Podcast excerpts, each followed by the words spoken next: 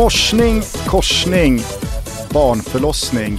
Nu går vi ner på centrum och sparkar igång det sjunde avsnittet av Toto Balutto. Kim, ska vi göra så bara att du eh, lägger in eh, den klassiska snutten av eh, Christer Pettersson när han säger den här frasen för sig själv i badrummet, slickar håret bakåt och sen tar med sig tv-teamet ner ut till eh, Sollentuna centrum. Morsning, korsning, barnförlossning. Ja, nu går vi till centrum.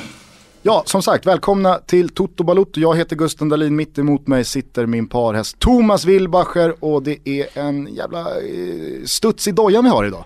Vi har det, vi har haft det hela den här veckan. Det, det rör på sig och det, det, känns som att livet har kommit tillbaka till oss. Och det, det var ett skönt avsnitt snitt senast där vi fick eh, lätta lite på våra hjärtan.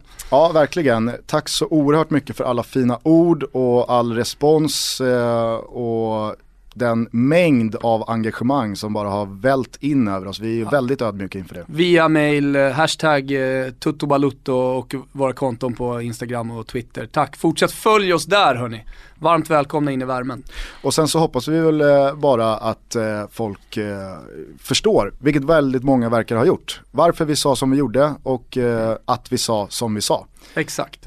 Och så lämnar vi det därhän. Ja, och eh, gå vidare med det här avsnittet. Vi har ett jävla matigt avsnitt framför oss känner jag. Det finns mycket att prata om. Eh, mycket att snacka ner, mycket att snacka upp. Vi ska ringa utrikeskorrespondenten eh, och vi ska ha en jävla superstund tillsammans med er. Men det finns ju också några som har ställt sig väldigt positiva till eh, frågan som jag skickade ut via vårt konto på Twitter här för någon vecka sedan.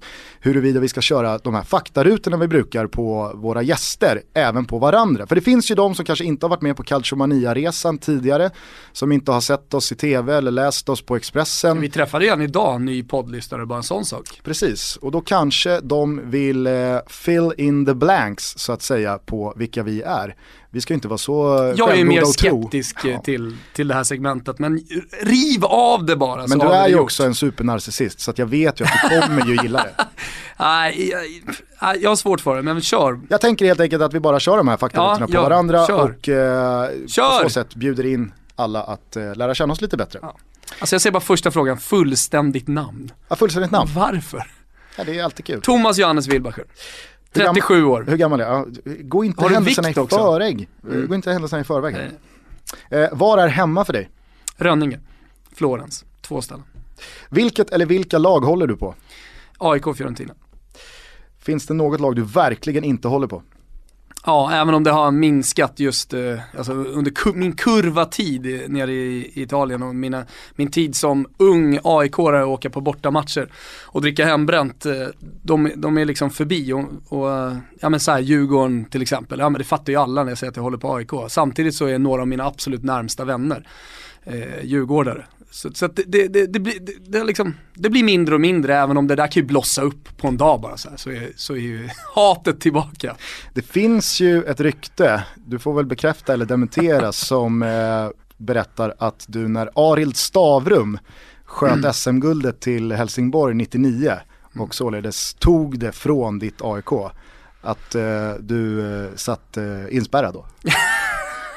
ja, men, framför, alltså, nu är det viktigt här med historieskrivningen. Jag satt tid åt en polare. För att, jo men det stämmer.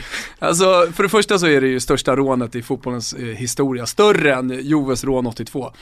Eh, på Scudetton för, framför Fiorentina då. Men eh, alla vet ju att det var fem meters offside, det, skulle aldrig ha hänt, AIK skulle ha fått guldet. För övrigt var det jinx, jag har aldrig jinxat så mycket ett guld som då när Aftonbladet körde Guldet är klart, körde guldlöp när det var fem matcher kvar, sen tappade AIK allt med Champions League. Skitsamma, det som hände var att Ja, men vi, vi hällde i oss varsin 70s Explorer Lingon. Finns den kvar, Explorer Lingon? Tveksamt. Ja, den, den fanns i alla fall då. Hade inget groggvirke, vi var jävligt eh, sura. Vi skulle gå ut, vi bodde i Lund på den tiden. Och eh, ja, men vi kom till eh, någon nation, jag var fortfarande i mina sinnesfulla bruk. Det var inte min kompis. Så jag var på dansgolvet, mitt mål var snarare då, eh, hade gått över från att vara besviken till att det kanske finns några brudar här. Eh, min kompis var betydligt, bety du har träffat honom för övrigt, eh, behöver inte namn, namn genom här, du träffade honom nyligen. Ja. Han ser yngre ut än vad han är. Jag förstår. Eh, han, han var ju då inne och ja, pissade i bar, han gjorde allt skit man kunde göra. Eh, och då så kom eh, polisen dit, för vakterna på nationen kunde inte hantera det. Och då åkte jag med för att jag var i samma gäng och för att jag var stockholmare. Och sen så när vi, när vi är på väg därifrån så sjunger min eh, kompis den här, vad gör du med batongen? Ja. Eh, jag går ju bara. Så att, och, men han springer när, när han känner då, jag tänker inte så mycket på den här, att polisen är på väg mot honom. Så han löper och klarar sig, slänger sig in i en buske. Men jag blir då tagen och eh, får, får sitta, sitta tid för den jäveln alltså. Favoritspelare genom alla tider? Ja, eh, det- det är Marco van Basten. Vill du nämna någon till? Nej, det vill jag inte. Det finns många favoritspelare, alltså så här, på senare man är i olika epoker, men då, då var jag liten, då betydde just den här idoliseringen var ju mycket, mycket tyngre på den tiden. Eh, nu uppskattar jag till exempel Christian Rigano som spelade i Fiorentina var med och sköt upp oss, Angelo Di Livio, alltså Baggio-tiden i Fiorentina. Eh, men, men på den tiden, Baggio-tiden, så var ändå van Basten större, även om han var Milan så var han ändå en större idol för mig. Det är det som är så fint med ordet spelare, det är ju både singular Ja, och plural. Och under 90-talet har man ju haft en drös favoriter då, där Gabriel Batistuta var en av de tyngre. En spelare du aldrig riktigt gillat? Precis, eh, Del Piero av någon konstig anledning. Alltså, så om, man, om man ska ta någon stor spelare som aldrig har hittat en plats, och det är inte för att han är Juve, utan jag, jag vet inte, det är någonting med De- Del Pieros spelstil. För det är lite sådär, alltså balans på planen, hur de ser ut. Jag vet inte, jag gillade aldrig riktigt eh, Del Piero så, så mycket som han egentligen borde ha gjort.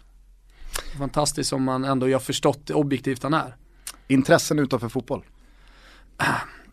Ja nu för tiden så är det ju, liksom, all tid går ju åt familjen. Men, men jag är väldigt, väldigt intresserad av eh, att stå vid spisen, laga mat, gå ut och äta mat och dricka goda viner. En person utanför fotbollen som du ser upp till av olika anledningar? Ja men återigen alltså, de, personerna som jag framförallt sett upp till, det är ju vänner. Och, och äldre vänner. Så våran polare, Kina-puffen, eh, Johan Gillgren, han är ju en sån person som verkligen har motiverat mig till att göra sådana saker som man verkligen vill. Eh, du vet när, när andra kompisar kanske säger varför pluggar du där eller varför gör du där så har han då eh, snarare uppmuntrat det. Och sånt där betyder jättemycket för mig och sen så är det ju ärlighet också. Någon som, det där var skit. Va, varför? Ja, det finns men- ju ingen som gillar att höra så mycket som du när någon säger fy fan vad dåligt det där var. Ja, nej. Men exakt, det bara så kan man utvecklas. Din fetaste fotbollsupplevelse? Min fetaste fotbollsupplevelse, ja, många olika typer av fotbollsupplevelser. Eh, Torino borta, Fiorentina, alltså Bat, eh, Osvaldos Bissa som skjuter oss till Champions League. Eh, sista matchen säsongen 05-06 eh, när vi går till Champions League för första gången efter att ha varit neddegraderade. Pratar jag Fiorentina alltså. Eh, när vi vinner borta mot Kiev och vi är 15 000 Fiorentina-fans där, 15 000 Hellas-fans och nu ett par tusen Kiev-fans. Otrolig match. Eh, Palermo hemma, Serie B. Ja, men det, det finns många sådana här, när Fiorentina går upp, Perugia hemma i playoff, sista playoffet, Fantini, eh, no party, no, no Fantini. Eh, det, ja. Och sen självklart eh, SM-gulden med AIK. En person utanför fotbollens, eller en, en person från fotbollsvärlden som du gärna hade delat en flaska vin med.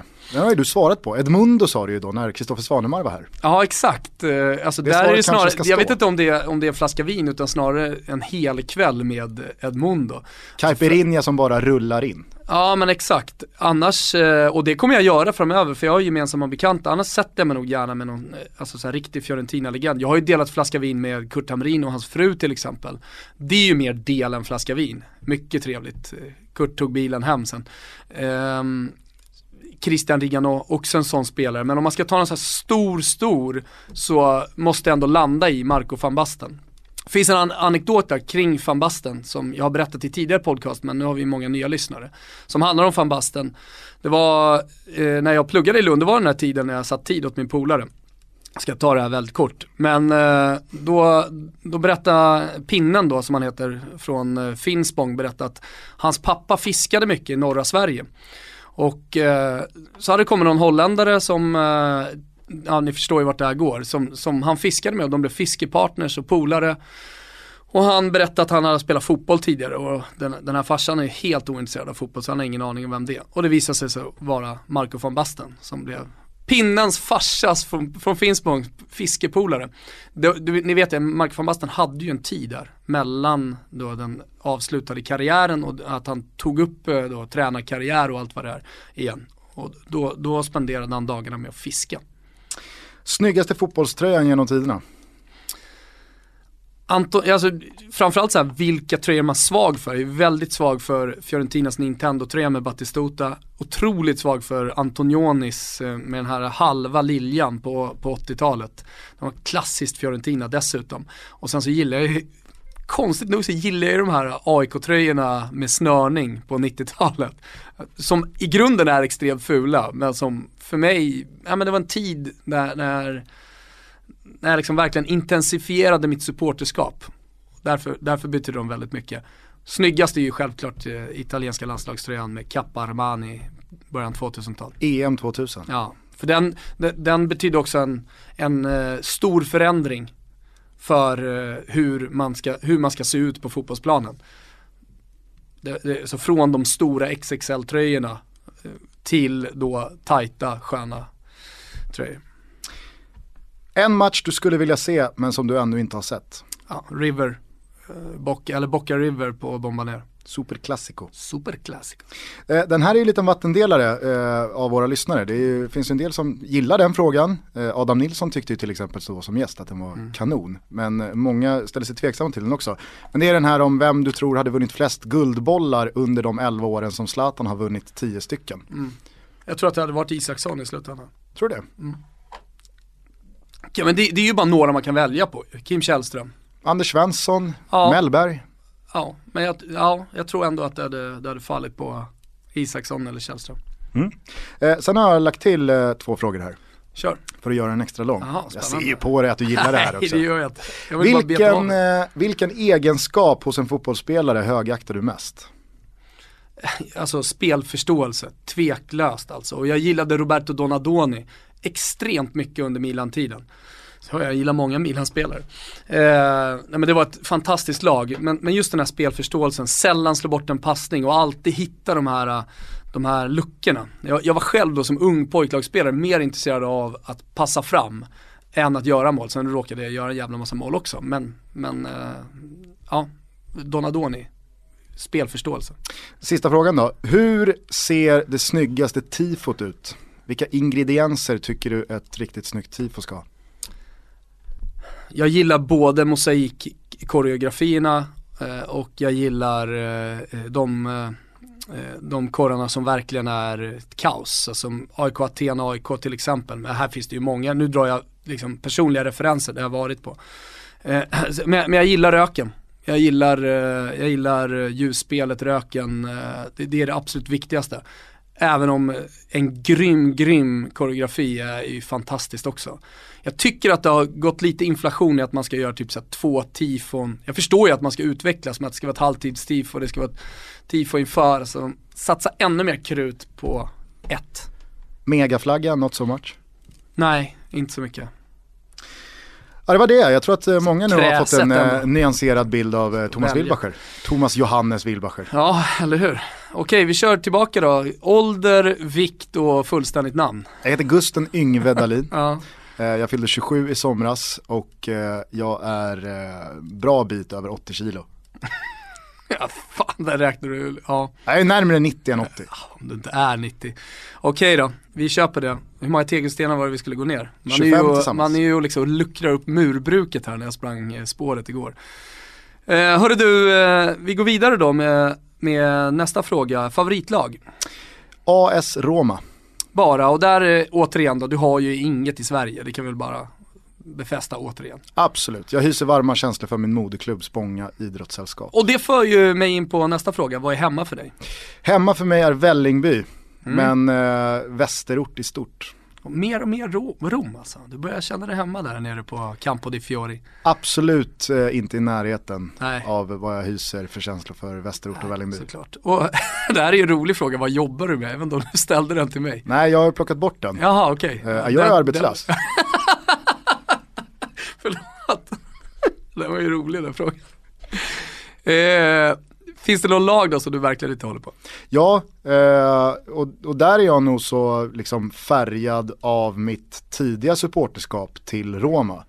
Att för mig så var liksom såklart matcherna mot Juventus, storlagen från norr, på senare år Napoli, alltså absolut, men för mig har det alltid varit Lazio som jag inte gillar. Jag vet att idag så är det ju mer legio bland Roma-supportrar att liksom avsky och eh, värdesätta vinster mot Napoli och Juventus snarare än Lazio. Men för mig har det alltid varit Lazio som är, det, det, är, det är derbyt man ska vinna. Ja, men det är lite samma för mig där. Roma, rivaliteten med Fiorentina nästan har kommit upp på samma nivå, men det är någonting annat skulle jag vilja säga.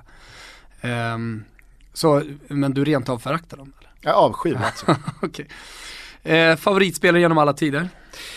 Där får jag nog, eh, alltså givetvis säga Francesco Totti. Eh, det är ju det är ju en spelare som jag tycker står ut från den här frågan. Så det, det goes without saying. Någon annan liksom som du verkligen har gillat? I Roma så har jag eh, haft Men det eh, behöver inte vara favoritspelare bara från Roma. Nej, men tre spelare som har stuckit ut för mig i Roma genom åren det är Aldair, Traja.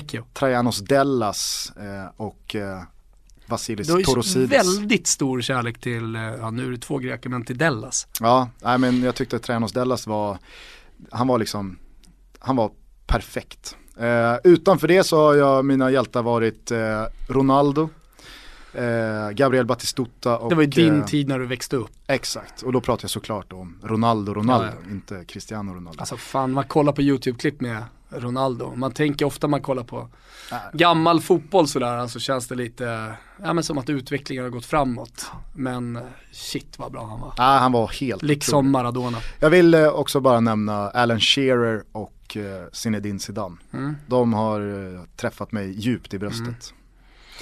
Eh, en spelare du aldrig gillat då? Jag har eh, aldrig gillat Jordi Alba, Ja. Barcelonas vänsterback tidigare i Valencia. Han har någonting så jävla irriterande över sig. Det är en sån här spelare, jag unnar honom ingenting. Han delar ut tjuvsmällar och fuskar och, och sen så när han själv åker på det, då så klarar han inte av det. Nej, han- är vidrig. Mhm. Intressen utanför fotbollen? Eh, precis som du så gillar jag mycket mat. Hur fan ska det gå med det här? Men eh, absolut, golf har eh, eskalerat oerhört senaste tiden. Vi gjorde ju faktiskt ett pilotavsnitt i Toto Balutto i, i höstas. Våras. Våras menar jag. Som vi stekte med all rätt. Men skitsamma, då hade du inte svarat golf. Nej, det hade Nej. jag inte. Eller du gjorde inte det. Men det här är en aktuell podd. Som du vet. Mat, vin och golf. Vem pratar jag med här egentligen? Är det pappa Dalin eller? En person utanför fotbollen som du ser upp till då? Jag har faktiskt alltid sett upp till eh, Filip Hammar och Fredrik Wikingsson. Jag tror att de två är nog den enskilt största anledningen till varför jag jobbar med det jag jobbar. Sen att liksom min bana nästan uteslutande handlar om fotboll och deras om någonting helt annat. Vad är det med dem då? Är det, det banbrytande eller? Alltså det är deras, eh, de är totalt orädda, de är innovativa, de tänker utanför boxen och framförallt så är de aldrig nöjda. De skulle ju aldrig få sparken från Discovery för att ha sjungit en ramsa. Nej, förmodligen, de hade fått ett löneök. Ja. Det är väl snarare liksom prognosen. Nej men just deras... Sen har vi olika roller, det är jag helt med om. Såklart. Så att, ja, det var bara, Eh, nej men just deras eh, driv, att aldrig slappna av, att eh, hur stora och bra och uppskattade och lyssnade eller tittade grejer de än gör, så gör de sig eh, inte bekväma i det och slår sig för bröstet och fortsätter tuffa på med fem säsonger till, utan då river de den muren utom breaking news. och så vill de bygga upp en ny. Det är klart att det finns ju några sådana här program som återkommer, men samtidigt så tycker jag att Breaking News, den, alltså, det har ju en plats, en återkommande plats. Ja. Eh, fotbollsupplevelse då, tillbaka här nu. Eh, två skulle jag nog säga som eh, sticker ut. Eh, jag var på plats under EM 2004, dels när Zlatan klackar in mot Italien, men det var faktiskt fetare när Mattias Jonsson bufflade in 2-2 eh, på Boavistas eh, hemmaarena. Mm. Och liksom eh, alla svenska fans bara liksom morspittar alla danskar som i stunden säkert var besvikna men efteråt så var det ju då jordens jävla biscotto-party. Mm. Eh, det, var, det var en helt otrolig upplevelse. Jag var där med min farsa och var 15 bast och bara, nej, det var så jävla magiskt det bara kunde bli. Eh, från klubblagshåll så måste jag nog säga derbyt mot Lazio eh, våren 2010 när eh, Lazio ledde med 1-0 i paus. Eh, Ranieri som då var tränare tar det oerhört modiga beslutet att byta ut både De Rossi och Totti i paus. Alla sliter sitt hår och frågar vad fan håller han på med? Men Ranieri hade ju gjort kalkylen att nej den här matchen är för stor för dem. De, det har låst sig för dem. Vilket det alltid i och för sig gör för De Rossi när det är sådana där matcher. Eh, och sen så får Lazio en straff i början på andra halvlek som Julio Sergio räddar och sen så kliver Mirko Vucinic in med en doppietta, vänder. Han hade kunnat bli mycket bättre än vad han blev, Mikko Vucinic. Ja, när jag då åkte hem så i och med den, eh, den matchen så befäste Roma serieledningen. Vi gick ju alltså 27 matcher utan eh, förlust den säsongen och ledde, petade ner Inter på andra platsen. Och så var det då fem matcher kvar. Eh, och då vet jag att eh, i kurvan så vecklades det ut en banderoll där det stod 450 minuter till paradiset. Eh, I nästa match så tappar vi en ledning hemma mot Sampdoria. Pazzini grusar de där drömmarna. Mexes gråter på bänken och ja. det var hemskt. Men den stunden på Olympico alltså, det derbyt, det var det var så jävla nära eufori man kommer. Nu kommer det upp, jag hade inte förberett de här fråg alltså svaren, men eh, Nebbos eh, chip, eftersom det ändå är aktuellt, eh, Marcus Berg gjorde en liknande ju i landslaget. Det, det var nästan som, eh, som, som, ett guld höll jag på att säga, i och med att då kändes det som att vi hade Holland vunnit. eller Nebbos chip mot Barca? Nebbos chip mot Barca.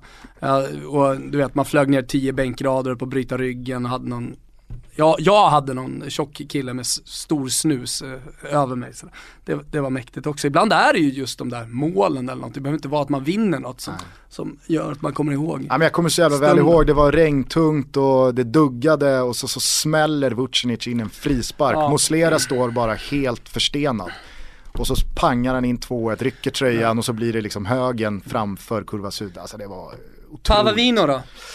Jag, jag, skulle ju gärna skjuta in Luciano Moggi här med tanke på så här, vilka historier man skulle kunna få om man skulle öppna upp sig helt. Och den är faktiskt möjlig för jag har ju en relation med Luciano Moggi idag. Ja. Det är ju så att jag kan ringa honom och han säger ciao Thomas. Mm, så kanske man ska göra slag i saken någon gång och åka ner till Toscana där nerifrån. Eller Napoli där han bor. Och, och dela en flaska vin. Och samtidigt då sätta på mikrofonen lite i smyg sådär. I och med Toto att Toto Balutta är en aktuell podd så får jag nog ändå säga att det karriärmässigt och för den här podden nog hade varit bäst ifall jag hade eh, liksom, tagit med mig en bag-in-box hem till Bobo Vieri. Ja. Den kvällen hade nog eh, gynnat oss. Mm, jag tror det. Eh, känns också väldigt, väldigt frispråkig. Eh, tveklöst. Fotbollströja då? Oj, eh, alltså det finns ju hur många snygga som helst. Men jag, jag måste nog fan ändå lyfta Arsenals eh, tröja de hade sista säsongen på Highbury. När de som en hyllning Arsenals. gick tillbaka till eh, vinröd. Eh, den var helt otroligt snygg. Upp med den i hashtaggen för jag har inte den här. Ja. Alltså det var ju under den här epoken med Vera och alla fransmän som körde klet på bröstet. Ja. Det förstörde ju lite, men den tröjan var oerhört snygg. De var ju, eh, eh, som sagt då, spelade sista säsongen på Highbury. Alla liksom detaljer gick i en guldfärg. Mm, men vi har, vi, vi, har inte tid att stanna Nej. vid den här tröjan nu Gustav. Men Arsenals. För vi ska vidare i podden vet du. En match du skulle vilja se som du ännu inte har sett? Jag har inte sett eh, ett El Clasico på plats. Okay. Eh, det tror jag hade varit jävligt fett. Mm. Zlatan då, jag vet det här är ju din fråga, nu förväntar jag mig ett rappt svar men ändå ett jävligt innehållsrikt svar. På Guldbollen, vem hade tagit eh, flest om inte Zlatan hade jag funnits? jag tror att eh, liksom individualismen som idag finns i Sverige och som är etablerad av Zlatan inte hade varit lika liksom, stor om inte han hade funnits. Och då hade fortfarande lite av det gamla Sverige fortsatt att premiera det gamla Sveriges urtyp av fotbollsspelare. Därför tror jag att Olof Mellberg hade plockat säkert en fyra, fem stycken. Olof Mellberg, och du, till protokollet ska vi också säga att eh, vi, vi har ju problem med Christian Vieris eh, Instagramman. Jag tycker att det har gått lite för långt. Ja.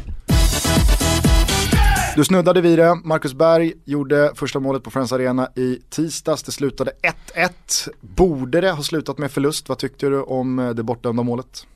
Som eh, Bas Doss nickade in på tilläggstid. Tror eh, åtta av tio domare hade tillåtit eh, det målet, hade godkänt det målet. Så att, eh, jag, jag, är inne på det, fotboll är en kontaktsport. Kim Källström sa det i studion efter också, fotboll är en kontaktsport. Jag, jag är känslig för att till exempel det här med armbågar.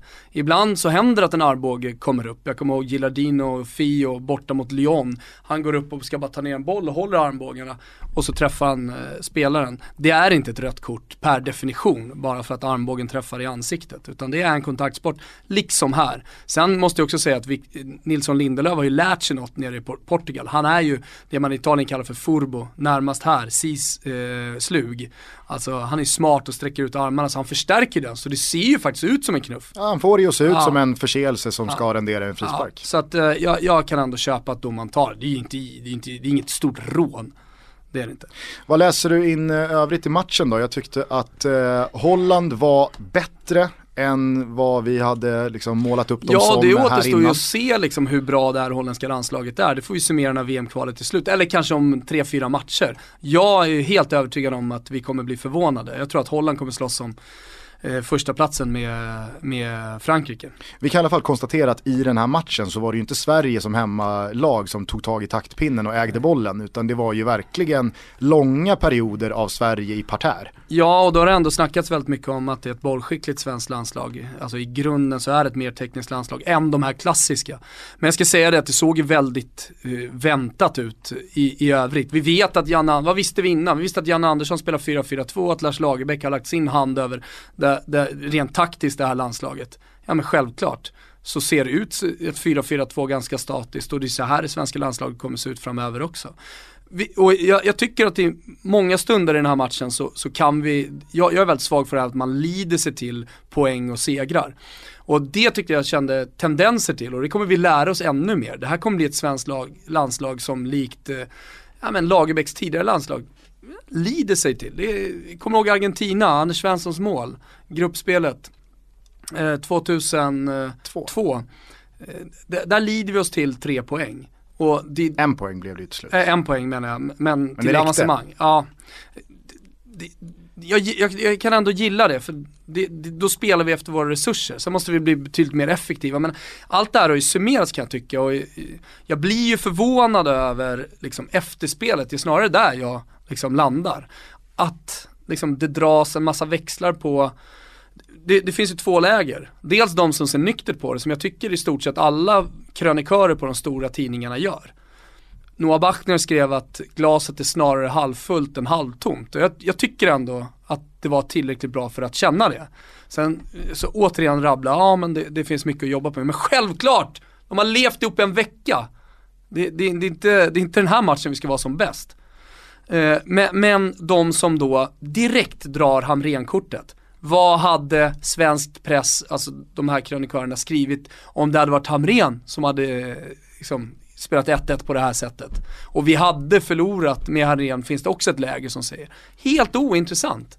Jag tycker verkligen att det är helt ointressant. Det är, ett, det är en ny tid och jag tycker att då krönikörerna fokuserar på rätt saker. Det är, finns inte så stora växlar att dra. Det såg ungefär likadant ut som man hade kunnat förvänta sig. Men jag tycker att det är löjligt och det är ganska många som gör det här märker jag. Också, om vi säger så här, branschfolk drar det här Hamrén-kortet. Tröttsamt. Vad gäller det spelarmässiga så tyckte jag att eh, liksom, märkligt mycket handlade om Jimmy Durmas vara eller icke vara i startelvan, huruvida han borde ha funnits där eller inte. Personligen så tycker jag att den spelaren jag gärna hade sett i en startelva, vilket i sin tur sen hade då lett till lite ompusslande, är ju Ludvig Augustinsson. Jag tycker att eh, Ludvig Augustinsson verkligen ska vara med från start i det här laget det är en högkvalitativ vänsterback som har framtiden för sig. Han har riktigt stora klubbar efter sig. Han gör det svinbra i FCK, Ståle Solbacken. Eh, eh, alltså Ståle Solbacken håller honom hur högt som helst. Och det känns som att han fick ju bara sitta på bänken för att vi dessutom har en Oscar Wendt som gör det bra i Mönchengladbach.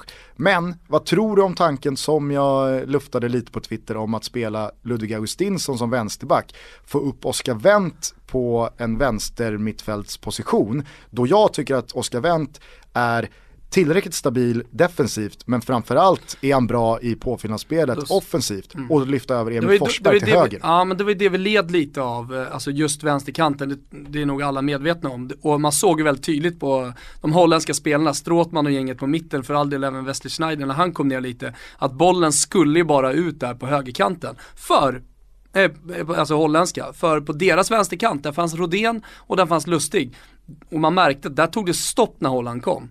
Det var betydligt eh, mer offensivt, jag vet inte om det var en plan också, att vi, att vi då eh, att Sverige skulle offensivt eh, liksom, också gå då på, på våran vänsterkant. Om det var tanken, för det är ganska vanligt att tränare gör, att man väljer en kant som är lite mer off offensivt belastad. Men eh, överlag så tror jag så här, det beror på vilka vi möter.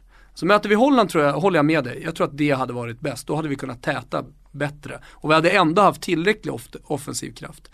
Ehm, sen tycker jag att eh, Emil Forsberg ska spela så visst, flytta ut han då till högerkanten. Ja, men när vi man snurrar möter, på centrala mittfältare i grunden Ja. på höger mittpositionen Mm. så, så Men känns det som att man inte behöver tappa allt för mycket. möter vi ett lag som vi behöver luckra upp, där vi behöver offensiv kraft. Då kan jag tycka att vi ska spela med Jimmy Durmaz till höger, Forsberg till vänster och Oskar Wendt till vänster. Faktiskt. Och dessutom så vet vi ju, alltså är det något samarbete som har funkat så är det ju Durmaz Lustig, rent offensivt och hyfsat defensivt också. Kommer du ihåg eh, att jag hyllade Raves Lavan för några avsnitt sedan? Ja. Efter att jag hade sett honom i Dalkurd mot Täby i Svenska Mm. Cupen.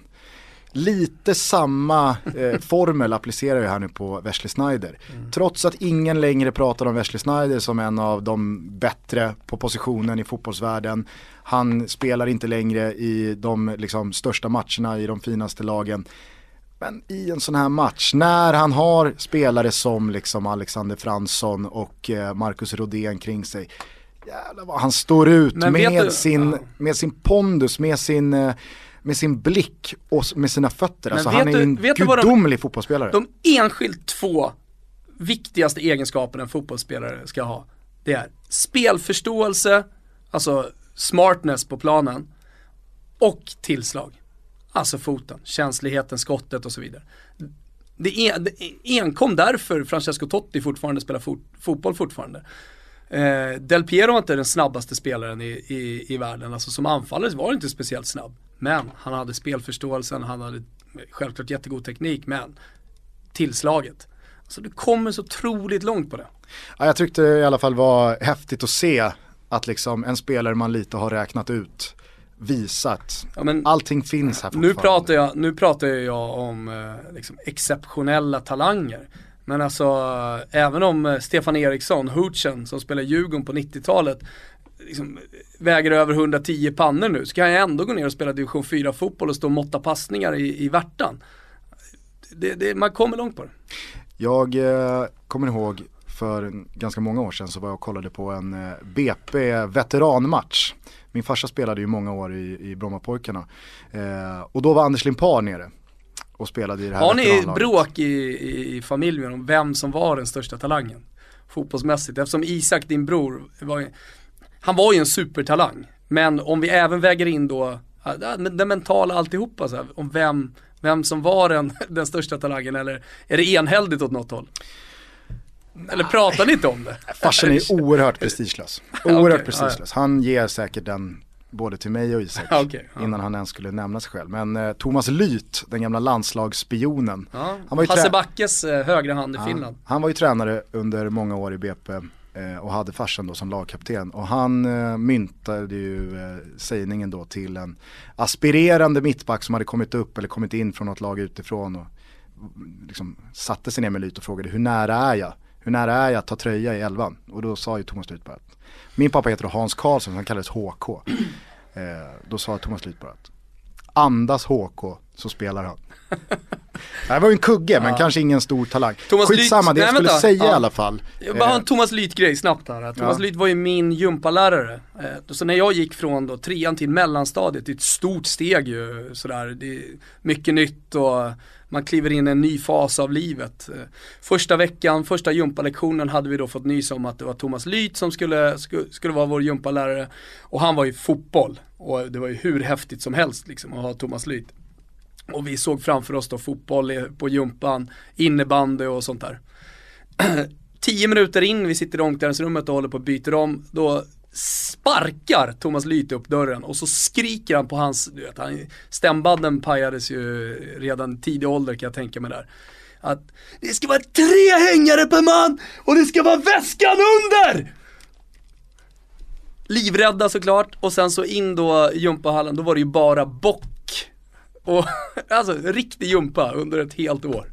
Vad jag i alla fall skulle säga då eh, om den här BP veteranmatchen, det var ju att Anders Limpar var nere och spelade i det här laget. Och han kunde ju knappt röra sig, han hade krämpor och eh, liksom någon hälsena som eh, gnisslade och så vidare och så vidare. Men han stod ju och drog alltså insider, utsider, chippar, lobbar, klackar, helt stillastående bara. Stod och vred dem 30, 40, 50, 60, 70 meter och satt ju på läppen hela tiden. Så det finns ju det där att vissa spelare har ju en egenskap som inte försvinner. Hur gamla, trötta, skadebenägna man än blir. Eh, sen Putte att det, Ramberg spelade jag sju manna fotboll med, bara en sån sak. Alltså där var det ju total dominans. ja, och det är klart 50, att eh, det är ju ett helhetspaket och vissa egenskaper har ju försämrats så pass mycket att Wesley Sneijder inte längre är en världsspelare som håller i ett av de bästa lagen. Men i stunder av briljans så visar han ju fortfarande att han är ja, en enorm han sätter den där bollen som han sätter. Alltså, det, det råder ingen tvekan när han trycker till. Du, sista grejen jag bara vill säga om eh, landslaget här. Vi pratade ju i förra avsnittet om varför Jan Andersson eh, inte valde att spela en träningslandskamp. Eh, min gamla kollega, eller vår gamla kollega på Discovery och Eurosport, Anton Boström, uppmärksammade mig på en artikel som publicerades eh, på någon eh, engelsk eh, sida via någon engelsk tidning som nog fan i mig kan vara en anledning som ingen än har lyft på bred front här i Sverige. Det var en artikel som handlade om eh, hålen som finns i Fifas rankingsystem. Hur lagen tjänar sina poäng och på så sätt åker upp och ner på världsrankingen. Världsrankingen ligger ju sen till grund för i vilken sidningsgrupp du hamnar i kvalgrupperna, i kvalpotterna. Och då tar den här artikeln upp hur Wales och Rumänien har sett igenom systemet och alltså insett att det är bättre för rankingen att inte spela överhuvudtaget än att spela träningsmatcher och faktiskt vinna dem. För att det ger, ett större, det ger större utslag på totalsnittet. Vilket gör att du har sämre förutsättningar att få ett högt snitt om du spelar träningsmatcher. Alldeles oavsett om du förlorar eller vinner dem. Kontrat de poängen du tar i tävlingssammanhang. För då delas poängen du tar på matcherna du har spelat. Spelar du då inga träningsmatcher så optimerar du möjligheten att få ett högre, en högre snittsiffra och på så sätt klättra i ranking. Så att Wales har ju alltså de senaste fyra åren spelat extremt få träningsmatcher. Just för att de har insett att det missgynnar oss bara. Så de, som har, de ångrar genrepet mot Sverige inför EM. de har ju bara Förbundet. Alltså, ja men absolut.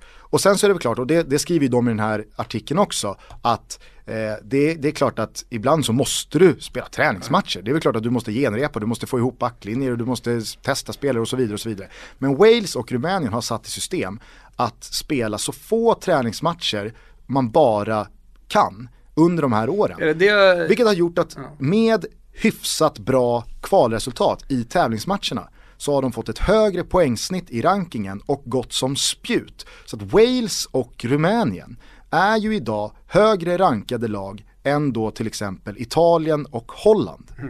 Vilket har gjort att Holland och Italien kommer få lag från pott 1. Medan Rumänien och Wales som tillhör pott 1 nu, Wales är fan topp 10 i världen på rankingen. De har ju satt det här i system, varit så trogna till idén att de nu undviker alla lag i pott 1. Är det det Sverige har börjat med då? Jag tror att det här inte är någonting som förbundet eller liksom någon annan skulle eh, berätta om. Känns väldigt osvenskt. Absolut, men bevisligen så funkar det ju. Wales och Rumänien har ju visat att hej, vi spelar färre träningsmatcher och kolla vart det tar oss när det väl handlar om lottning och Ja, kvalgruppen. men anledningen till att jag nämner Sverige, för er som inte har koll på det, så var det ju så att vi spelade inte en träningsmatch då inför eh, Hollandsmatchen och att många undrade liksom, Med all rätt, för. Mm. hur man än vred och vände på det så är det så här, varför spelas det ingen träningsmatch? Varför väljer Janne Andersson att som första match gå rätt in i elden med ett nytt ungt oprövat landslag mot Holland? Mm. Jag är helt övertygad om, efter att ha läst den här artikeln, att det definitivt finns liksom tankar på det här som Wales och Rumänien har satt i system. Får väl se om en månad då, eller en månad, då är det ju två matcher som ska spelas framöver. Ja, jag tycker i alla fall att det var en sjukt intressant artikel. Jag kommer länka in den i hashtaggen Toto Och det känns i alla fall som att vi är först med att i alla fall lyfta det på någon slags bred plattform. För det har ju inte pratats om det här speciellt mycket i de stora kanalerna eller eh, tidningarna. Frågan är ju, är det dags att ringa utrikeskorrespondenten? Tjena Danne, Janne här, har du Sams nummer?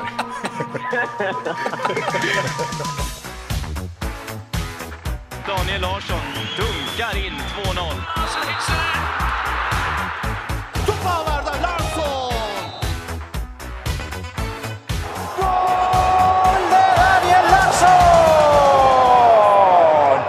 Tja Danne! Din jävel alltså. Hur är läget? Fan, Ja, bra. det var ju någon som skrev det i hashtaggen, skrev ju i typ, 30, när det var 35 minuter kvar, så var det någon som skrev, fan det är nu man skulle haft utrikeskorrespondenten och slänga in i matchen mot Holland. En snabb jävel. Som Kontringsstark. Verkar vara någon koll det där vet du. Ja, det var väl heller inte vem som helst, det var ju eh, kanske Sveriges vassaste fotbollsöga Isak Dahlin. Det var, ja just det, det var Isak som skrev det. Ja, nej det är sant. Vilken hjälte. Finns ju inget jäv i den situationen. Nej, han har ju aldrig gillat mina egenskaper som fotbollsspelare egentligen. Så det måste ju vara bara professionellt. Ska vi kanske bara kort eh, börja där. Du och eh, min brorsa Isak eh, lärde känna varandra i P15-landslaget. Det första landslaget som togs ut för 87-kullen. Vad kände du när eh, rummen fördelades och du hamnade med en sängvätande person som inte vågar sova borta? Jag är fan osäker på om vi bodde ihop redan då alltså. Det var nog en vänskap som växte fram under de där åren. Men sen eh, hängde ni ihop som ler och långhalm. Ja, verkligen. Det klickade fint. Du, eh, hur, är, hur är läget? Jo, det är bra. Har det varit eh, ett skönt landslagsuppehåll?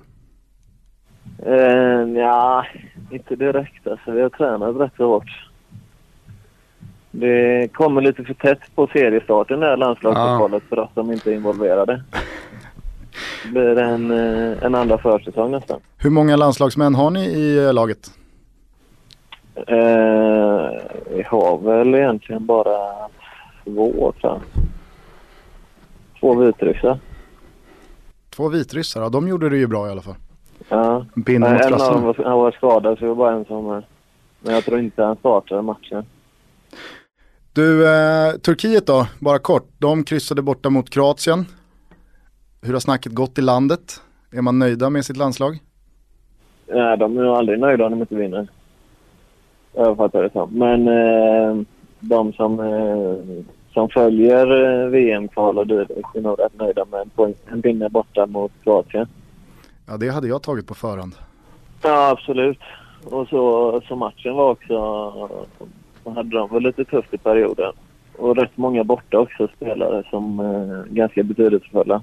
Men eh, så en poäng är väl jävligt starkt här, skulle jag säga. En spelare som vi såg i eh, den turkiska startelvan som eh, man stiftade bekantskap med under EM, det var ju Emre Mor som eh, Borussia Dortmund köpte tidigare i somras. Är det the next big thing i Turkiet eller? Ja, verkligen. Jag, ty jag tycker själv han är fantastisk också. Alltså. Trugga egenskaper. Så han är väl, eh, håller väl på att bli rätt poppis.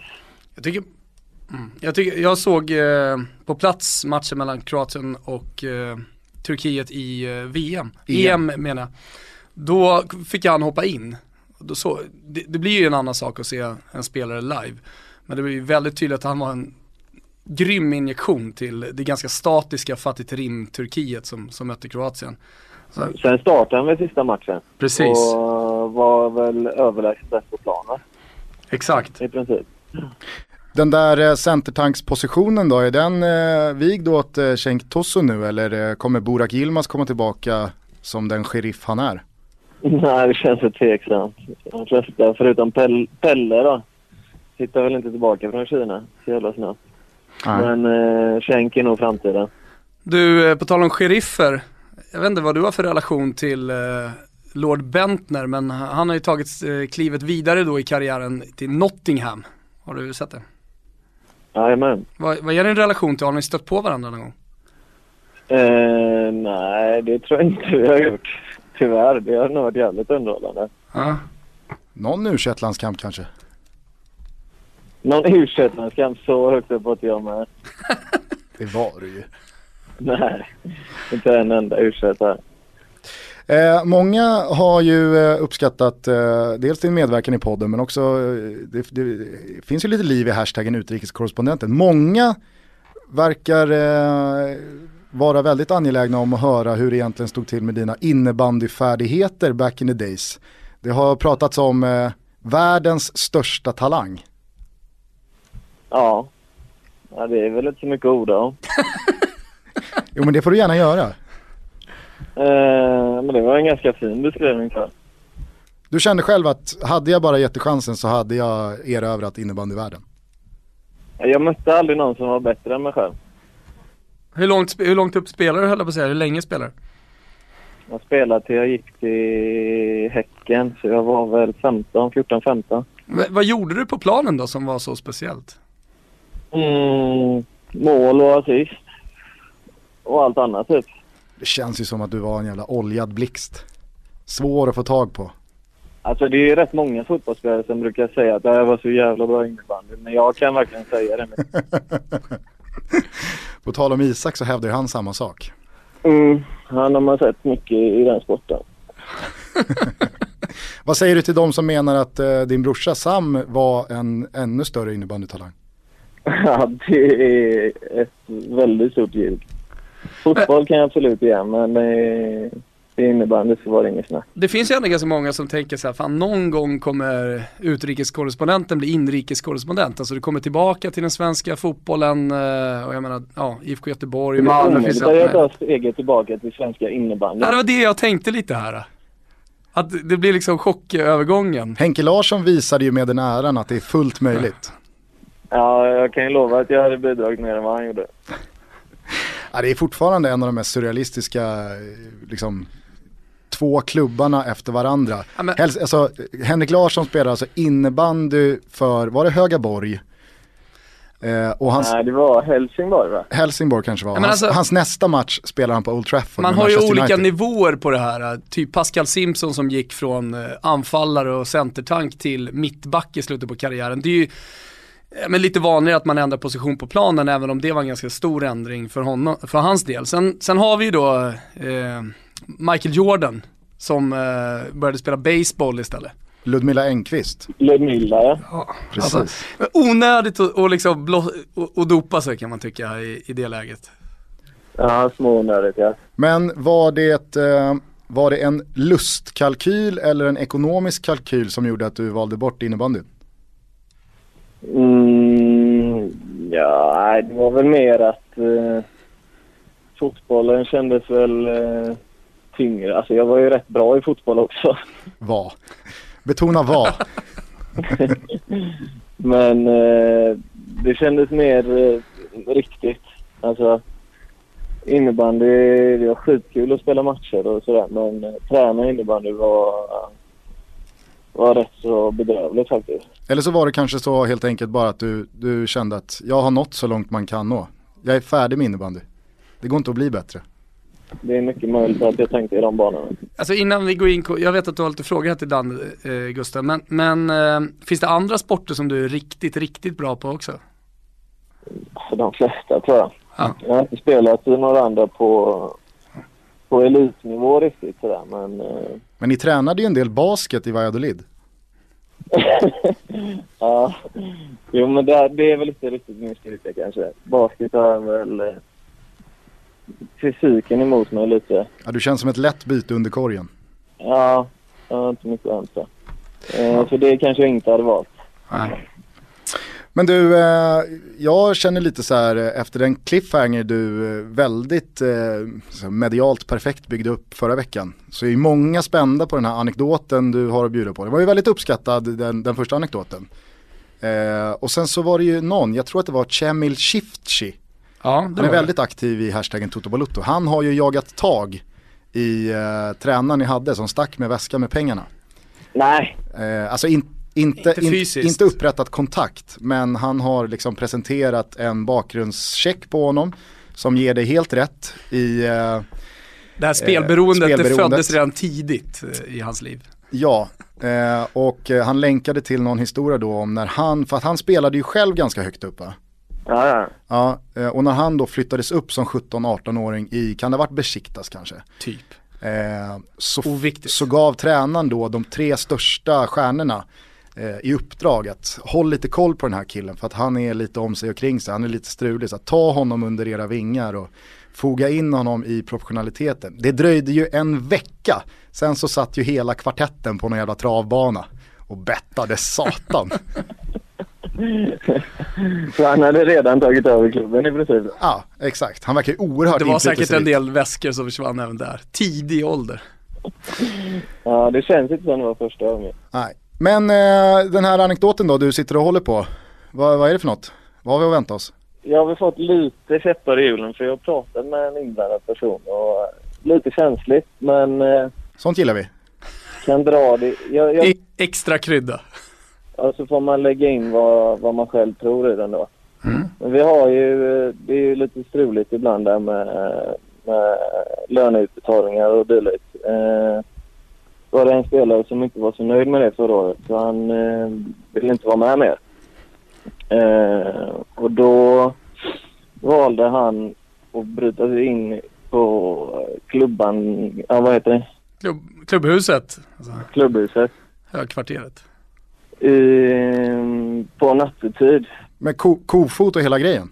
Nej, jag, alltså det är alltid någon där så jag förmodar att det var någon sorts nytta involverad. Eh, men då gjorde han det för att roffa åt sig sin faktiska spelarlicens. Han var rädd att de inte skulle ge den. För att bara kunna ge den till ett nytt lag. För det är ändå det är någonting som man måste ha liksom. Eh, och han tänkte väl att om jag har den så kan jag göra vad jag vill. Känns inte jättegenomtänkt ändå. Nej, jag, det var många som har ifrågasatt vad, vad han tänkte åstadkomma med detta. Men vi såg honom aldrig igen. Och den här eh, händelsen eh, filmades. Och, och lades upp på, jag tror det var Youtube, kan ha varit Facebook. Alltså typ övervakningskamerafilmen. Ja, precis. Finns den kvar, vet du det? Det vet jag inte. Det kan ni leta efter. Ja men det har vi ju, nu, nu har vi säkert ett helt gäng som sitter och, och uh, youtubar. Men okej, alltså du säger att ni inte såg honom efter det här. Är det någon som har hört av honom efter det här? Vet vi att han har puls? Vi, eh, för någon vecka sedan så eh, kom det fram att han hade en ny klubb. Ja men då så. Då så. Trägen vinner. Trägen vinner, ja. I Toto Balutto saluterar vi ju spelare som tar saken i egna händer. ja, det gjorde han ju verkligen. Det får man göra. Ja, härligt. Hur nära har du själv varit och snegla mot kofoten? De banorna ligger rätt, rätt långt ifrån mina tankegångar. Eh, men det, det är en härlig idé. Hur ser kontraktssituationen ut annars? Kan vi inte bara reda ut det kort? Eh, jag är inne på mitt sista år här nu. Okej, sen är du så kallad free agent. Eh, ja, från januari så ska jag förhandla fritt. Och du fyller 30 i januari. Ja, I många det fina år. pratat så också. Ja, ja. Här ska det inte in i någon jävla innebandyliga än. Nej, nej, nej, det blir senare. Ja, vi, vi hoppas i alla fall att du stannar ute många år till. Ja, det är mitt mål också. För eh, det hade varit trist att behöva steka dig från podden. Ja, och börja med inrikes korrespondent ja. Av den anledningen, bara. Men alltså jag har bara en fråga med tanke på då hashtag utrikeskorrespondenten. Den här bilden på kråkan, örnen, vad det nu var. Flyger han på matcherna? Nej, jag vet inte. Han stod där igår. Är det, är det ett nytt påfund då? Ja, Det är någon som har tänkt till på marknadsavdelningen. Wow! Alltså man kan ju tycka att det är lite mäktigt då på ett Stadio Olimpico eller eh, vad vet jag, i Stadio Benfica, Daluz. Stadio Daluz i Benfica, när, när han seglar ner. det så gör han sig inte jättestor kan jag tycka. Men det är kanske är det du ska göra med kofoten, ta med han hem. Känn med den här stackars fågeln. En, en, en kidnappning kanske. Ja. Exakt. Kör lite utpressning. Jag har örnen. Vi, vi får suga på den. Har ni någon namn på örnen? Nej, inte vad jag vet. Men ska inte vi ha ett namn på, på örnen då? Vi, vi kan väl lägga ut det i hashtag Toto alltså. Vi, Folk får komma med förslag. Ja med förslag på namn. Det är en kanon, det ska jag framföra det här sen. Ja men exakt. Det tycker jag verkligen. Du, eh, tredje matchen i helgen, någon kort eh, känsla, tanke inför den. Har ni eh, ruckat på eh, liksom, känslan i laget här? Det var ju väldigt mörkt efter premiären, men sen så kom det tre poäng i hemmapremiären. Det känns som att med lite värvningar och sådär så har ni fått nytt blod. Ja, men verkligen. Det, det har ljusnat har det gjort. Sen eh, har vi fortfarande en ganska svag, eh, eller en väldigt smal backlinje. Vi har väldigt få spelare där bak. Eh, så får vi skador och avstängningar där kan det bli problem. Men eh, i dagsläget så, så känns det ändå som att eh, vi, kan, eh, vi kan göra match av det till helgen också. Ja, spännande. Du, eh, kort bara, eh, det är nog många som följer allsvenskan som undrar, kanske i synnerhet AIK-supportrar. John Chibuike Mm, känner ju du till. absolut. Ni har ju spelat ihop här i Turkiet. Eh, vad har eh, AIK-supportrarna att förvänta sig där? Han har ju bara gjort ett kort inhopp hittills. Såg jävligt bra ut måste jag säga. Ja, ja, det är framförallt underhållning vill jag påstå. Eh, otroligt trevlig att titta på. Och eh, har varit effektiv i perioder också under sin karriär. Och kan säkert hitta tillbaka till det i AIK. Det, det kan nog bli väldigt trevlig höst för dem, tror jag. Betyg på värvningen i Getingar? Eh, en klassfyra. Ja, Ah, positivt för eh, alla svartgula där ute verkligen, verkligen. Ja, Hörru du, eh, lycka till i helgen så eh, hörs vi. stort tack. Lycka till utrikeskorrespondenten, kämpa på. Tack så mycket. Ciao. Jag tror att många med oss eh, älskar att eh, klubblagsfotbollen rullar igång igen efter eh, landslagsuppehållet. Och det finns ju hur många russin i kakan som helst att plocka ur. Ja, men det, ju, De framförallt känner jag att det är nu säsongen börjar. Mm. Eftersom man visste att det här landslagsuppehållet skulle komma. Vi hörde ju Danne också nämna det att från spelarhåll och klubbhåll så det är många som verkar tycka att det här låg lite galet. Ja, och det gjorde det förra året också. Så att eh, de är, är väl egentligen li- vana med det. Men det, nu drar det igång. Det är champion, först är det en, eh, en eh, full omgång i alla ligor. Dessutom allsvenskan. Och så Champions League på det. Exakt. Eh, den fetaste matchen i alla fall, i alla fall eh, rubrikmässigt och mest uppsnackat Ja. eh, är ju Manchester-derbyt mellan United och City, mellan Pep Guardiola och José Mourinho. Det här har ju blivit på bara några månader en eh, jävla supermatch på alla sätt. Ja, det är ett bra sätt att sparka igång säsongen då. Jag på menar- riktigt, för det kommer ju bli ett efterspel. Eh, Vi kan väl redan nu säga att vi, vi kommer med oss Noah Bachner på måndag och eh, ta ner den här matchen. Helt ärligt så liksom minns jag inte eh, de två mötena i Premier League i fjol i detalj. Jag vet, jag, jag har liksom inte på uppstuds här, just det, vad blev det i den matchen? Den här matchen kommer man ju, oavsett hur det går, oavsett hur det ser ut, så kommer du ju bära med dig den här matchen i huvudet en lång tid framöver.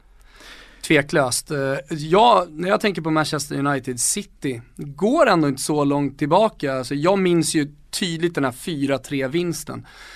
Eh, på övertid, eh, Ryan Giggs hittar eh, konstigt nog helt fristående Michael Owen mer eller mindre. Han gör en bra löpning ska sägas, Michael Owen. Eh, och City-spelarna hinner inte dit. Ett av få positiva avtryck Michael Owen satte i United-tröjan. Mm.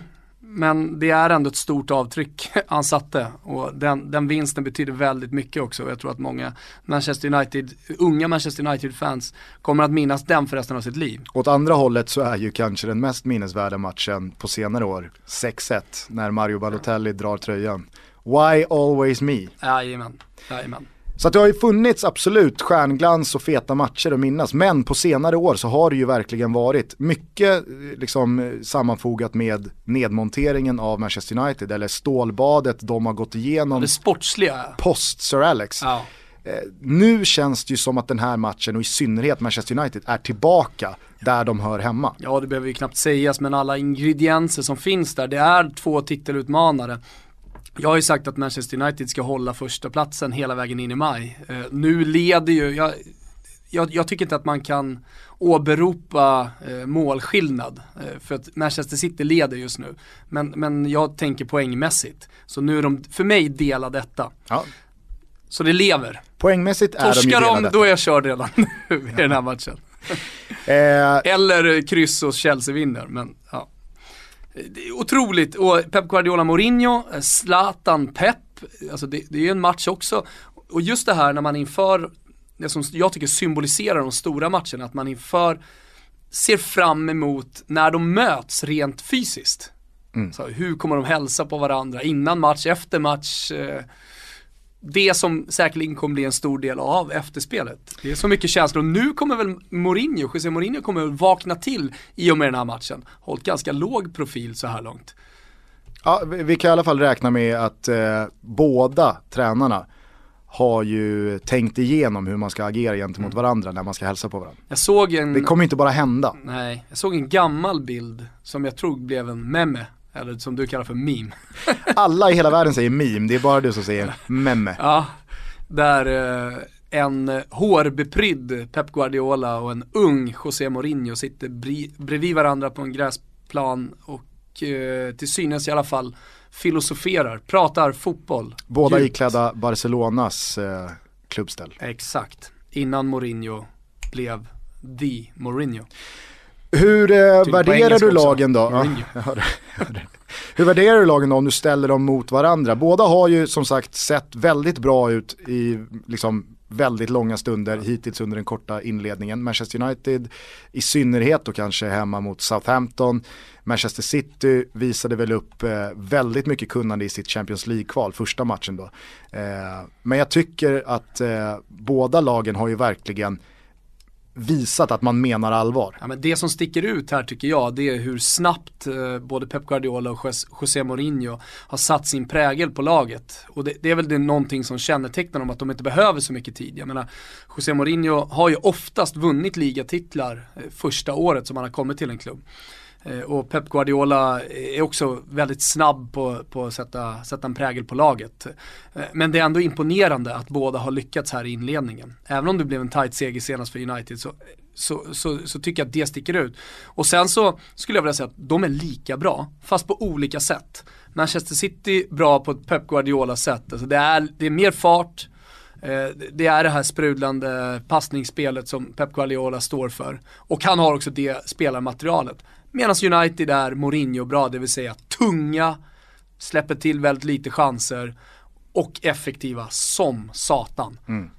Nej, framförallt så det du är inne på kring City där, att Också spelarmaterialet för att vara effektiva. Pep Guardiolas någonstans signum och sigill är ju att hans lag slutar aldrig gå framåt. Nej. De kör. Exakt, och även om de det med står 1-0 eller 3-0 eller 5-0, är det 20 minuter kvar, då är det 20 minuter kvar. Många som inte riktigt eh, de första åren i Barcelona var med på det där. Oddsen live sattes ju faktiskt ganska lågt. Vi som var med tidigt kunde vinna ganska bra med pengar på att livespela Barcelona. Man tänker, ja men nu ska de väl ta det lite lugnt, de har ju Champions League i veckan, göra lite byten. Men det är hårdkörning hela vägen in oavsett vad det står, precis Och det var ju samma säger. sak i Bayern Tvärtom München. Mo- Mourinho. Och samma sak i Bayern München. Yes. Det var ju jobbigt ett par gånger för Hamburg och Köln och Mainz där på Allians. Det stod 3-0 i paus. Det är 45 kvar, kanske vilar han, kanske byter han ut några spelare, kanske drar han ner på takten. gentlemannaådran, eller de tyska gentlemännen var ju sura. Det har ju å andra sidan Pep Guardiola använt då som motargument att det gentlemannamässiga är att gentemot sporten göra den rättvisa att vi spelar i 90 minuter. Och vi Gentemot de spelar andra för att göra lagen mål. också. Exakt, för det finns ju någonting, alltså semi-douchigt i att slå av på takten också. Visa att hej, okej, vi nöjer oss här vid 4-0. Så att eh, det är ju det är olika skolor hur man ser på det, men jag är helt med på det du är inne på kring då United, att de ser bra ut på ett helt annat sätt. Tunga, stabila, lagmaskin. Det kommer inte vara speciellt många 6-0 vinster den här säsongen. Utan de går upp till 2-0 och sen så är de fan, ja, sen är det Fort Knox. Eh, oerhört tungt avbräck dock i Manchester City. Vilket kanske gör dem till, på pappret, sämre än United i den här matchen. Det är ju Kun Agüero. Det går inte att blunda för ett sånt avbräck. Nej, det gör det verkligen inte. Så det, det, det är ju många spelare som sticker ut i City och många matchvinnare. Men den största av dem alla är ju eh, Kun Agüero. I klass med Zlatan då i Manchester United. Ja, det är i alla fall en supermatch lördag, halv två. Eh, och sen så som sagt så tar vi med oss eh, Noah Bachner, Expressens hyllade liksom, pojke med guldbyxor på i Han Toto. guldbyxor också. Ja, Tror du ja. guldpenna? Både guldpenna och guldbyxor. Alltså, Snart ett par guldsköldar också. Säkerligen. Eller tar Erik Niva årets sportapp också. Fantastiskt. Såg du den memmen? Ja, fantastiskt memme. Vi tar i alla fall med oss Noah Bachner i Finns i Toto. Balutto-båten på måndag för att eh, bland annat snacka ner den här monstermatchen i Manchester. Så ja, det ska bli otroligt spännande. Det är länge sedan jag var peppad. Så peppad på en? Premier League-match. Nej just det, jag ska göra Expressen. Alltså hade du sett den ihop. Annars hade vi definitivt sett den tillsammans. Okej, vi ska börja runda. Eh, för att vi ska gå och käka lunch med våran älskade sponsor. Sponsor Tony Bacci, han rattar Andys frukt. Och han gör det med den äran. Det är roligt det här som har börjat att folk eh, upptäcker då Andis fruktlastbilar ute på stan. Fortsätt gärna, stöter ni på en Andis fruktlastbil, in med dem i hashtaggen. Det är, det är härligt att se Andis frukt ändå leverera. Exakt, alltså att sprida bilder på Andys frukt är ju att sprida Toto Balutto. Ja, vi kan ju säga det att vi var ju en gång på Franzén med Tony och käkade, för de som inte känner till Franzén så är det en av stjärnkrogarna här i Stockholm. Mycket mat, men otroligt mycket vin blev det under den middagen också. Och då åt vi lite av eh, Tonys råvaror. Mycket, mycket bra. Och man märker ju också vilken oerhörd respekt en krog som Franzéns alltså, Ja. bemöter Tony Bacci med. Ja, ja, De vet ju att det här är killen som sitter på the good stuff. exakt. Han kommer in som en kung där. Ja, det ska, det ska bli trevligt. Hörrni, följ Un Altro Giro på Twitter och på eh, Instagram. Andys frukt för den delen också. Om man vill. Och så skickar vi in lite bilder på deras lastbilar runt om i landet i hashtaggen TotoBalutto. Eh, innan vi gör det så är vi kvar i matspåret. Det ska delas ut en schnitzel och en gulasch. Det ska göra det. Och eh, schnitzeln är ju då, för de som inte känner till segmentet, eh, Augusten bestämt det bra. Och eh, gulaschen någonting dåligt. Och det, det är mina spaningar då från veckan. Motvinden är ju kring det där fortfarande på kulingstyrka. Ja, eh, börjar då med att dela ut eh, gulaschen. Eh, och det, det, den går den här veckan till Jamie Carragher. Och eh, varför gör den det? Jo, eh, Balotelli som alla känner till, hans karriär fick ju en rejäl törn. Den har ju varit lite upp och ner, men man Minst ska komma, sagt. Ja, minst sagt. Men om vi bara backar bandet lite kort med Mario Balotelli så ni förstår vad jag pratar om här. Så är det ju så att eh, de två säsongerna som han gjorde i Milan, efter Manchester City, det var två bra säsonger. Och sen så kan man alltid hävda att eh, man hade velat se mer av Mario Balotelli- Men jag såg alla de matcherna och jag såg vad han gjorde åt ett nedmonterat Milan. Ett Milan i kris, dopo eh, Zlatan Ibrahimovic. Han höll ändå liksom Milan-projektet vid liv, kan jag tycka. Eh, och han belönades då tack vare sina prestationer under två säsonger i Milan eh, med en plats i Prandellis EM-trupp. Och under det Europamästerskapet så var Mario Balotelli eh, fantastisk. Alltså jag vet att han var skadad sådär, men han gör det här målet. När han... eh, Semifinalen om mot Tyskland. Semifinalen mot Tyskland, drämmer in bollen. För där drämmer han in den. Han dräper den. Ja, han både dräper och drämmer in den. Och Italien går till final eh, Eh, där det tog stopp. Men det, där, där tycker jag fortfarande alltså Mario Baratelli lever i all högsta grad. Sen blir det Liverpool en dålig säsong. Och, eh, han, men han, eh, nu pratar jag förlåt, jag pratar om 2012 eh, EM. Sorry. Ja, men det är alla med på. Ja. När man slog ut eh, Tyskland i semin och gick till final. Ja, det var ju fortfarande City-tiden, förlåt att jag blandar ihop. Sen kommer de här två säsongerna med Milan och han belönas återigen med en plats i Cesare Prandellis startelva mot England. Livet leker och det är han och Casano som ska göra det. Vad gör Mario Ba- Balotelli i första matchen? Jo, han lever upp till de högt ställda förväntningarna, gör mål och skjuter segern. Och det som verkar också, eftersom det var den tuffaste matchen, eh, Italien mot en åttondelsfinal. Man slår England, Eh, man slår England. man slår England, 2-1. 2-1, precis. Marquisio hoppar över. Ja. Det var ju den matchen, alltså det, den matchen är ju starten för Andrea Pirlo-runket globalt. Japp. Post den matchen, Det som var ett Italien-runk kring Pirlo blev ett globalt ja, Pirlo-runk. den matchen gjorde så att Bilden världen fick upp ögonen för den coola Ja. Andrea Pirlo. Exakt. Och det är så han alltid bara. kommer bli ihågkommen. Ja. I Milan så var han ju liksom det geniet men det blyga geniet på mittfältet. Sen, alltså just nu, om man skulle skriva Mario Balotellis dödsruna, det, då- då, då är det matchen mot Costa Rica. Där tar det slut. Och sen har han alla chanser att eh, liksom födas på nytt. Ska vi se en Balotelli-renässans nu i Nice? Det är ju löjligt så som jag sa i, i fjol att det här blir Mario Balotellis år. Jag är religiöst eh, av liksom eh, det, liksom det, det tankesättet att en exceptionell talang som Mario Balotelli är alltid kan komma tillbaka. Eh, men hur som helst, om vi skriver hans dödsruna, om ingenting händer, om han slutar spela fotboll imorgon, då, då är det det datumet mot Costa Rica. 45 minuter, ganska håglös Mario Balotelli, Cesare Prandelli blir besviken, lackar, tar ut honom i paus. När VM-äventyret är över så skyller till och med på presskonferensen eh, Cesare Prandelli på Balotelli. Vilket jag tycker var både fegt, jag älskar och avgudar Cesare Prandelli, skulle gärna dela en flaska vin med honom. Men det var fegt. Och jag, jag, jag tyckte det var fult av honom att måla, måla ut honom där. Han missar ju ett jätteläge ska sägas också i den där matchen. Alltså, Ja. där, det, det kokas ju ner till det där läget. Gör han 1-0 där så hade ju det varit väldigt spännande att se vart Mario Balotelli hade varit idag. Ja. Eh, och jag är helt övertygad om att eh, liksom, Cesare Prandellis ord också påverkar. Det blev en rutten säsong i, i Liverpool, det blev en skadefylld säsong den förra, det ska kommas ihåg, han hade sina ljumskproblem. Eh, Eh, och nu är det i Nice. Det har varit två dåliga säsonger efter det. Jag hävdar att Mario Balotelli absolut kan komma tillbaka. Men det är så enkelt för Jamie Carragher att sitta på den positionen han har som pandit på Sky Sport och, och alltihopa och racka ner på Mario Balotelli. Det är så enkelt för honom att göra det. Så, så, och det gör att, det, att jag blir förbannad. Ja, för att eh, innan du då fortsätter. Jamie Carragher som alltså gjorde en säsong tror jag då tillsammans med Balotelli.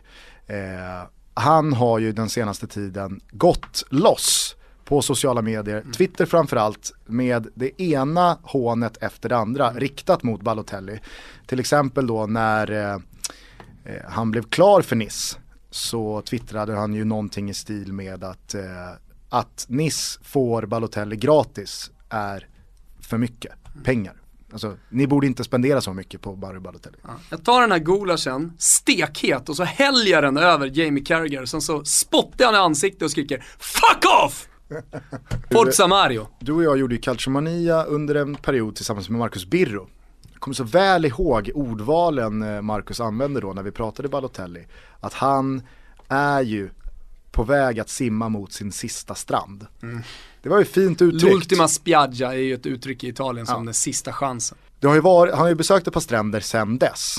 Men jag måste ändå ge det till dig att du envist vet.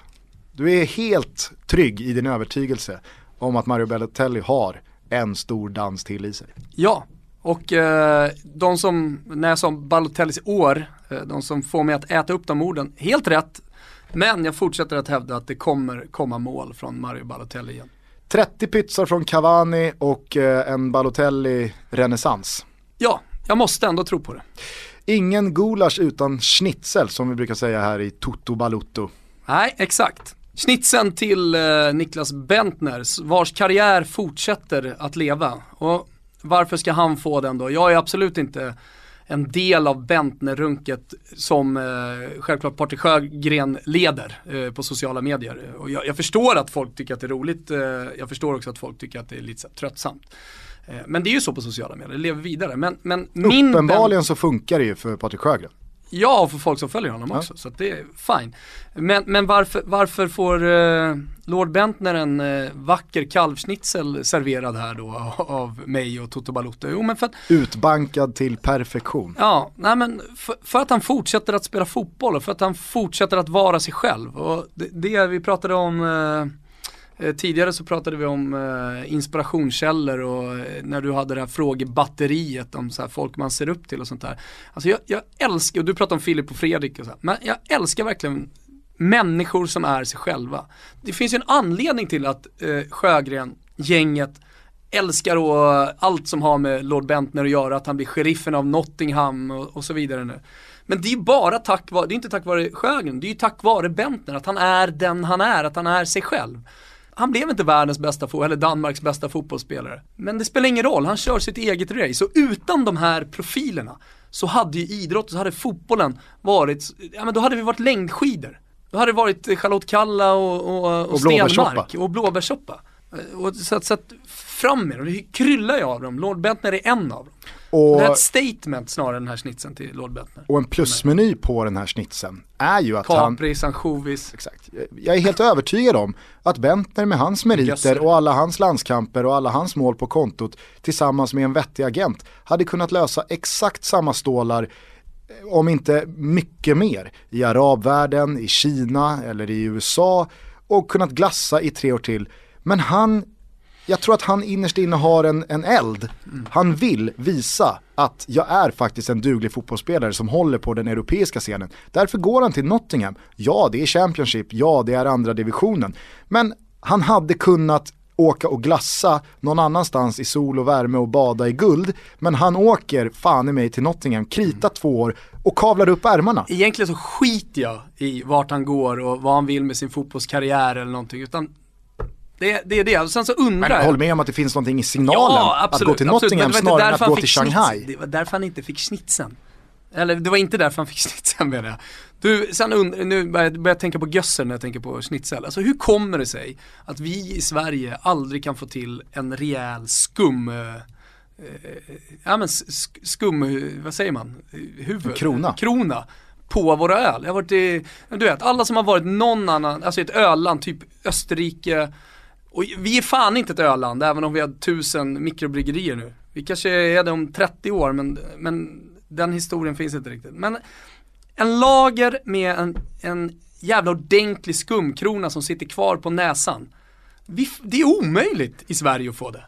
Eh, Kim, kan du inte göra så att du backar det här, lägger in en repris på när Thomas bara helt sonika byter spår och börjar prata om icke-existerande ölkronor i Sverige och så med en liten sån här